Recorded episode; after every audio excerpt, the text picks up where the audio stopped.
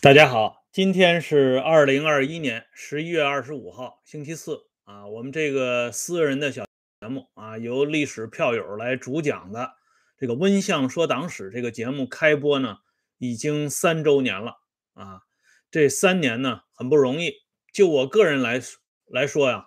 首先啊，要感谢咱们所有的关注《温相说党史》的朋友们，由于你们的支持、鼓励和关注。让这个小节目呢从无到有，从有呢到比较有啊，这个成长的过程呢是大家一路扶持才有今天这一步的。虽然呢这个成长的很慢啊，大家看一下，现在呢也就是五万六千多名订阅者，跟人家那些大的节目啊一一下子就是几十万甚至上百万的那种，完全没法比。但就我个人来讲呢，我已经很知足了啊，因为这个节目当初最开始的订阅数我还记得只有二十个人啊，真的是应了当年那句话了啊，这七八条枪啊，这么十几号人，那么到了今天呢，好歹有了五六万人在给捧场，而且每期节目呢还有这么多朋友没有看之前就给点赞啊，说明非常给这个节目的面子。也非常给我面子啊！这全然都是因为大家对我的鼓励支持啊！不光是线上的，还有线下的。咱们这些朋友呢，呃，有的在线上打赏，有的呢在线下啊支持啊，用各种各样的方式，比如说呢，呃，提供一些这个呃比较好的建议啊，这个节目在哪些方面需要改进啊，在哪些方面呢？可以继续发挥一点这些好的建议啊，本身对咱们这个节目都是一个最重要的福祉。再有呢，就是除了这个呃钱方面的支持，还给我提供了一些这个啊书啊，知道我喜欢书，所以有的这个网友呢私下里还给我寄了一些书啊。这些书呢，我现在看起来啊都非常的高兴，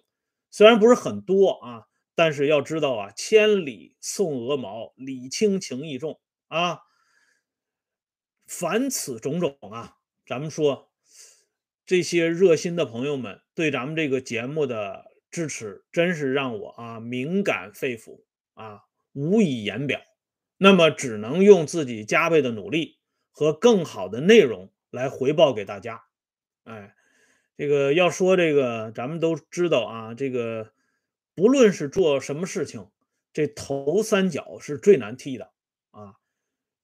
这个节目一开始办的时候呢，说实话，我自己啊还是有一点自信的，因为毕竟啊，当年在飞扬军事论坛呢，或者是在其他的这些啊海外的小网站上，我跟大家已经有了一面之交啊。因为写专栏的原因啊，写这些小帖子的原因，大家对我的这个文字的风格。也相对比较熟悉，这一次呢，无非是换一种方式啊，用这种面对面，呃，用嘴来把这个意思呢表达来清，呃，表达清楚。所以一开始我还是有这么一点小自信的。但话又说回来，我的这点小自信，其实正是建立在大家对这个节目的关注和支持上面。哎，昨天呢，有一个朋友，他还是这个通过这个。啊，一种私下里的方式，啊，给我发了一笔钱，然后告诉我，啊，说的非常温暖，他就是说，你就负责好内容方面的事情就行了，啊，这个支持这边有我们这些人呢，哎，这话说的啊，特别让我感动，而且这位啊朋友呢，他已经不是第一次用这种方式。表达他对这个小节目的支持和鼓励了，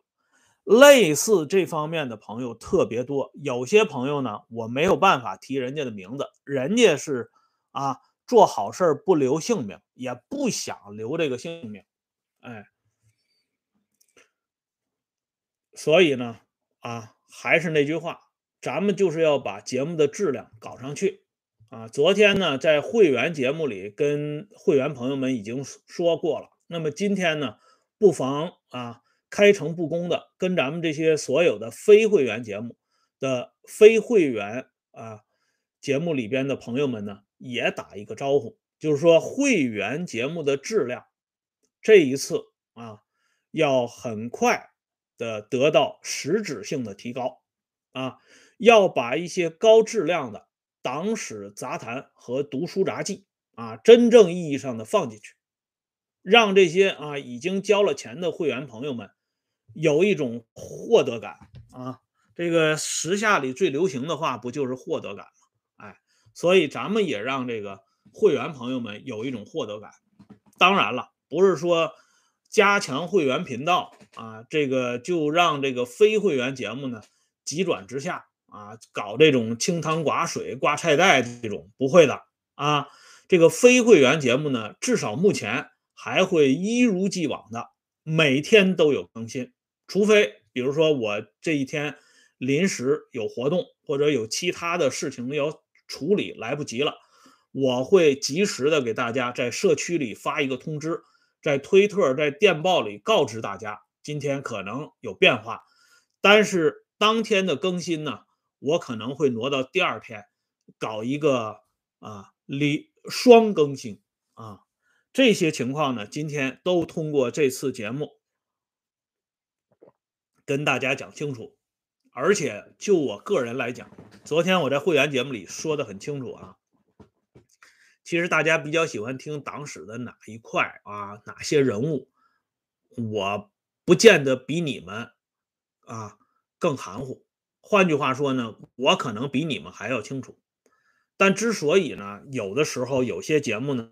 不能及时的跟大家见面，是因为我自己有一个统筹的安排啊，我要有一个总体的计划。呃，这个咱们都知道啊，以前有这么一句这个外国的这种谚语啊，或者叫这个习惯的说法，就是说吃葡萄呢，先吃这个酸葡萄，然后再吃这甜的。这样的话呢，就是我们的生活呢比蜜甜，越吃越甜。越来越好，越好越好，哎，所以咱这个节目呢，也是要按照这个节奏啊，不能说三年了，然后呢，这个接下来的节目呢就开始糊弄了啊，吃老本了，躺在人民的功劳簿上呼呼睡大觉，那是绝对不允许的。况且呢，观众朋友啊，听众朋友们的眼睛和耳朵也是最灵的啊，这节目呢稍微兑点水。或者是不如以前了，大家马上就会通过各种各样的方式表现出来，或者呢观看次数上不去了，或者呢啊点看的这个频率也不那么高了啊，这些呢其实我心里都非常有数，所以直到今天虽然是三年了，我时时刻刻提醒自己，千万不得马虎啊，千万啊不能这个有一种这个。满足的这种感觉啊，这种骄傲的感觉就更不要说了。那根本不允许骄傲，因为说实话啊，这个用这个伟大领袖的话讲，万里长征走完第一步，其实我们这个连第一步都不算啊。而且老实讲啊，做这个油管这个节目之后呢，昨天我还跟一个同道啊，也是做这个油管节目的。一位前辈啊，我们私下里交流，大家都有这感触，就仿佛啊，当年这个电影里边演的，穿上了那双红舞鞋一样啊，就是不停的就是啊，让你这个舞下去。他这个节目啊，说实话，设计的是相当厉害啊。要说这个每个人都能做自媒体，这是没问题的啊，包罗万象。啊，你或者讲历史，或者讲现实，或者讲生活，啊，或者讲烹饪，方方面面，你什么都可以讲，门槛非常低，啊，可是呢，这个节目关键是它这点很厉害啊，这个你如果这个节目不吸引人，或者受不到一部分啊朋友们的这个及时啊、长期的、持久的关注。那么这节目做着做着，你自己就没有这个精神头了啊！你自己就觉得好像没啥意思啊，做不做都可以了。这更新的次数呢，就逐渐降低，慢慢的，你这个节目呢就自私自生自灭了。所以他这个油管的这个自媒体这个设计啊，本身对这个人呢就是一个极大的督促啊，让你不停的保持这种惕厉之心呢啊，惕力惕就是警惕的惕，力呢啊就是厉害的厉，时时刻刻啊保持这种惕力之心，或者是这个竖心加个厉害的厉啊，这个大家可以找一下这个字，我就不不再跟大家较真了。我知道咱们这个听众和观众朋友里有一大批语文老师啊，特别喜欢纠正咱们这个节目里的错别字或者是错误的发音。这一点啊，我今天再一次提出，非常感谢啊。虽然有时候呢，我觉得不是特别的必要。比如说那天提到一个“首当其冲”这个成语，说这个词呢，其实应该是指首先被波及到的。而不是说你率先第一个啊啊跑上去的，我觉得这个呢成语其实是可以计较一下的，就像孤掌难鸣一样啊。这个我们知道孤掌难鸣是指这个孤立无援的意思，但是孤掌难鸣呢，同时又通常被通假为就是一个巴掌拍不响啊，两边都有责任的意思。所以这个汉语啊，为什么说这个国际文本签署很少用汉语，就是说。汉语这个里边有很多词啊、句啊、成语，它有一定的歧义啊，不是特别的那种啊，呃，怎么说呢？要是好听点说，就不是那么特别的矮板啊；要难听点说呢，咱们就都不说了，因为大家说的都是汉语啊。所以呢，接下来啊，咱们这个节目呢。有些朋友还在关注，有些喜欢聊这个林彪、听林彪节目的朋友，这个前一段时间还特别关注，问说这林彪系列还讲不讲？林彪系列还在还在安排啊，肯定要讲，因为还做了一些幻灯片，还没给大家展示啊。这个今天这个日子很有意思啊，又让大家想到这个当年这个啊杨迪呀、徐母元呐、啊赵南起呀。还有这个，呃，程普啊，他们的这个集中的回忆，这里呢，我还跟大家说一下啊，当初这个上个月十月份讲这个长津湖的时候，长津湖与朝鲜战争那个系列的时候，漏了一个点，就是在这个朝鲜战场上，志愿军幺八零师政委吴承德跑回来以后啊，这毛泽东对吴承德有一个重要的批示。这个批示呢，实际上整整影响了吴承德的一生，不光是影响吴承德的一生，对于那些啊从朝鲜战场当中千辛万苦回来的战俘们，他们的一生也从毛泽东的这段批示当中被注定了的。这个呢，当时可能是有点含糊啊，这个居然没把这坑填上。昨天我才发现，我说这还得了，这坑必须要给它填上。所以呢。这个我准备安排明天或者后天，专门把这个坑给大家填上啊，在这个会员频道里，跟这个会员朋友们把这件事情啊完完整整的啊说清楚啊。这里呢，我就先跟大家打个招呼啊。那么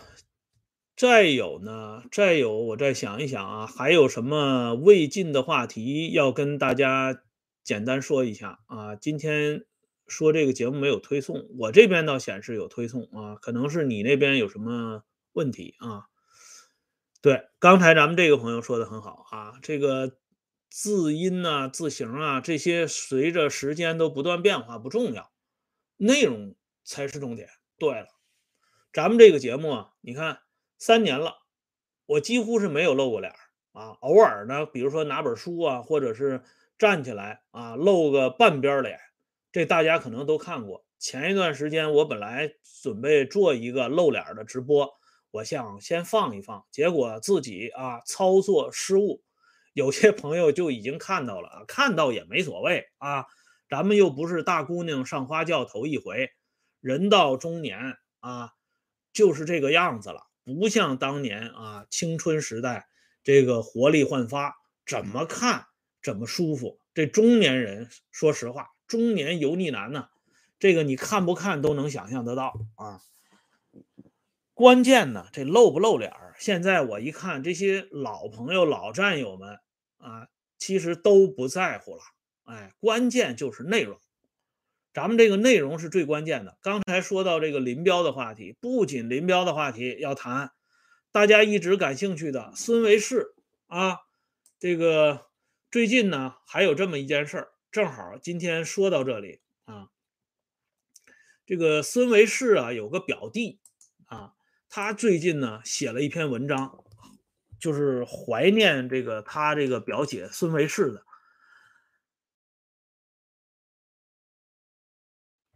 这文啊，前几天呢，咱们一位老前辈把这个文章呢啊转给我看了一下。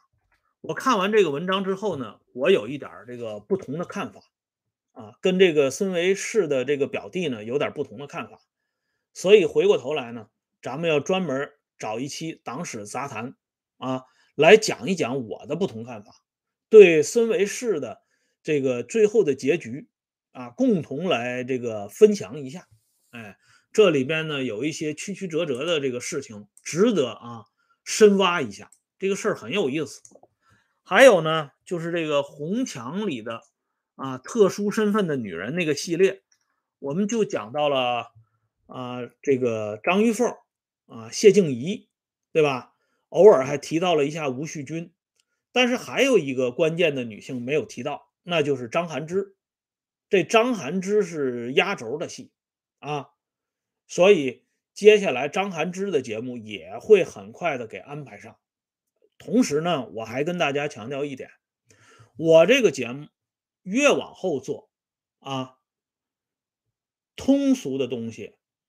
当然还要继续保持，但是我会加进来一些带有考据和考证性质的，像那天做了一期这个周恩来的那个啊，就是在讲周恩来这个人到底啊有没有接受过这个境外的这些机构的培训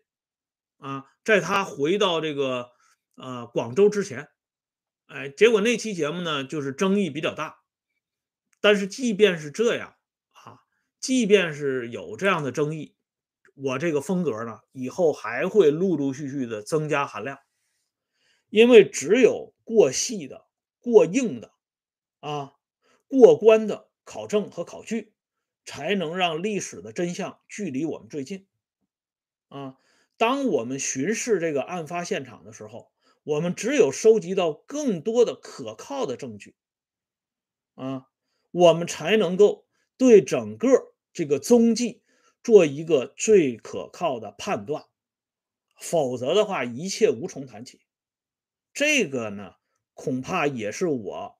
特别愿意较真儿的地方，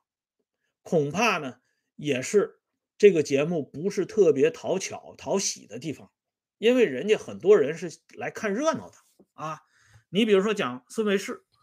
他不觉得啊，你说孙维世最后啊，这个结局怎么样怎么样啊，死在谁手里，这只是一方面。他最喜欢听的是什么呢？孙维世和那个关键人物，他们俩有没有发生横的关系啊？如果你像地摊文学似的，你给编造一下啊，或者是捕风捉影说一下，我估计。这一期节目点看次数肯定会非常惊人，啊，包括这个讲张涵之，很多人感兴趣，或者叫相当一部分人感兴趣的是，这位张老师啊，当翻译当老师的同时，他有没有啊，跟他所教的这个学生，他们俩啊，有没有其他的关系呢？哎，大家感兴趣的是这个，可是呢？这些东西对不起啊，我这个节目没法给大家展示这一面，因为这个东西你没有证据啊，你说了也只是你自己的这些猜测、你的怀疑啊，因此呢，这方面的东西我只能说声抱歉啊。想听这方面内容的朋友，恐怕你得嗯挪一挪您的贵步了啊，到别的节目去看一看了。看看他们的那些节目里有没有讲类似的内容，《温相说党史》这个节目呢，讲党史的纵横啊这些出现也好，细节也罢，这些没有根据的花边的东西啊，绝不会涉及，没根据啊，讲了也是白讲，而且过多少年之后，人家重新把咱们这节目翻出来，人家一听就觉得你讲的太 low 了啊，都是围着裤腰带这个范围内讲。没意思，低级趣味啊！所以我不敢保证我这个节目就一定是跟阳春白雪挂钩，但是我也不想让它混同于低级趣味。哎，鲁迅先生生前最讨厌的就是这一点啊！他不是讲吗？有的人啊，一看见这个大腿就能够浮想联翩。梁启超先生对这点也不满意，他说：“咱们有些这个同胞们。”就在这种事情上，这个想象力格外的丰富，哎，所以这两位这个先行者给我们留下的这些警示，也是从侧面提醒我们这个节目要保持好这种啊层次啊，保持好这种品质，不能这个啊混同于那种东西。那些东西呢，一时听得高兴，听得兴起，但是最终经不起事实的考验，经不起历史的考验啊！所以咱们还是老话，有一分证据说一分话，没有证据的事情可以提出存疑，但是不能轻易的下结论。这个习惯呢，我还将继续保持下去啊。而且这个综合咱们所有的朋友、会员朋友啊、非会员朋友，大家普遍反映的就是对这个读书杂记啊，这个评价还可以啊。这样的话呢，将来咱们这个读书杂记呢，还会给它进一步拔高啊，把它的这个范围内容进一步充实。哎，这个最近呢，这个读书啊，又有了很多新的这个感受，也是特别希望跟咱们这些会员朋友。啊，非会员朋友在一起聊一聊，所以这个读书杂记呢，我很快就会安排一期。还有一个啊，这个挖的这些坑啊，说实话，我脑袋里都有。最近的一个坑，在温相传媒里，我跟大家说了，温相说三国第三期啊，讲了那个这个第二期讲了曹睿，第三期讲了夏侯。讲完夏侯之后呢，涉及到一个刘少奇的问题，啊，是牛继那个牛继马后还是刘继马后？是姓牛的厉害还是姓刘的厉害？啊，这个当时我挖了个坑，这个坑啊，我会很快填上，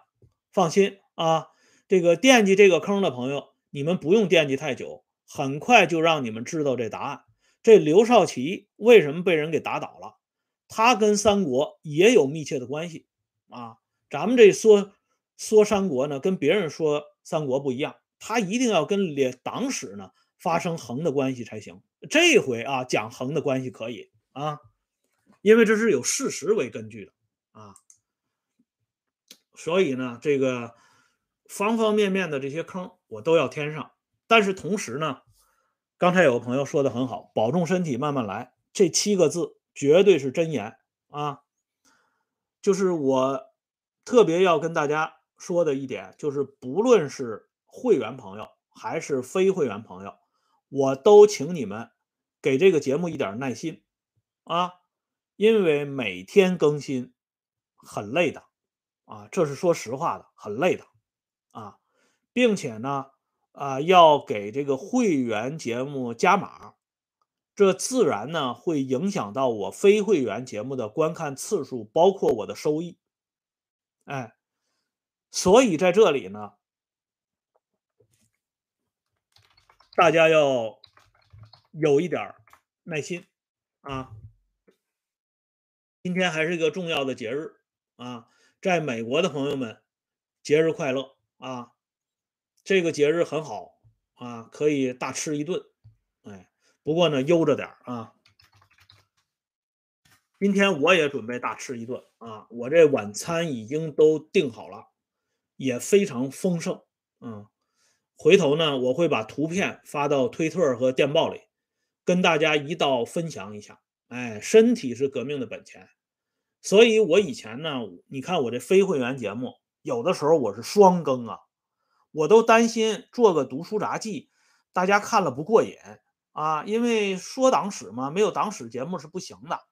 所以呢，我有时候还加播一期党史杂谈，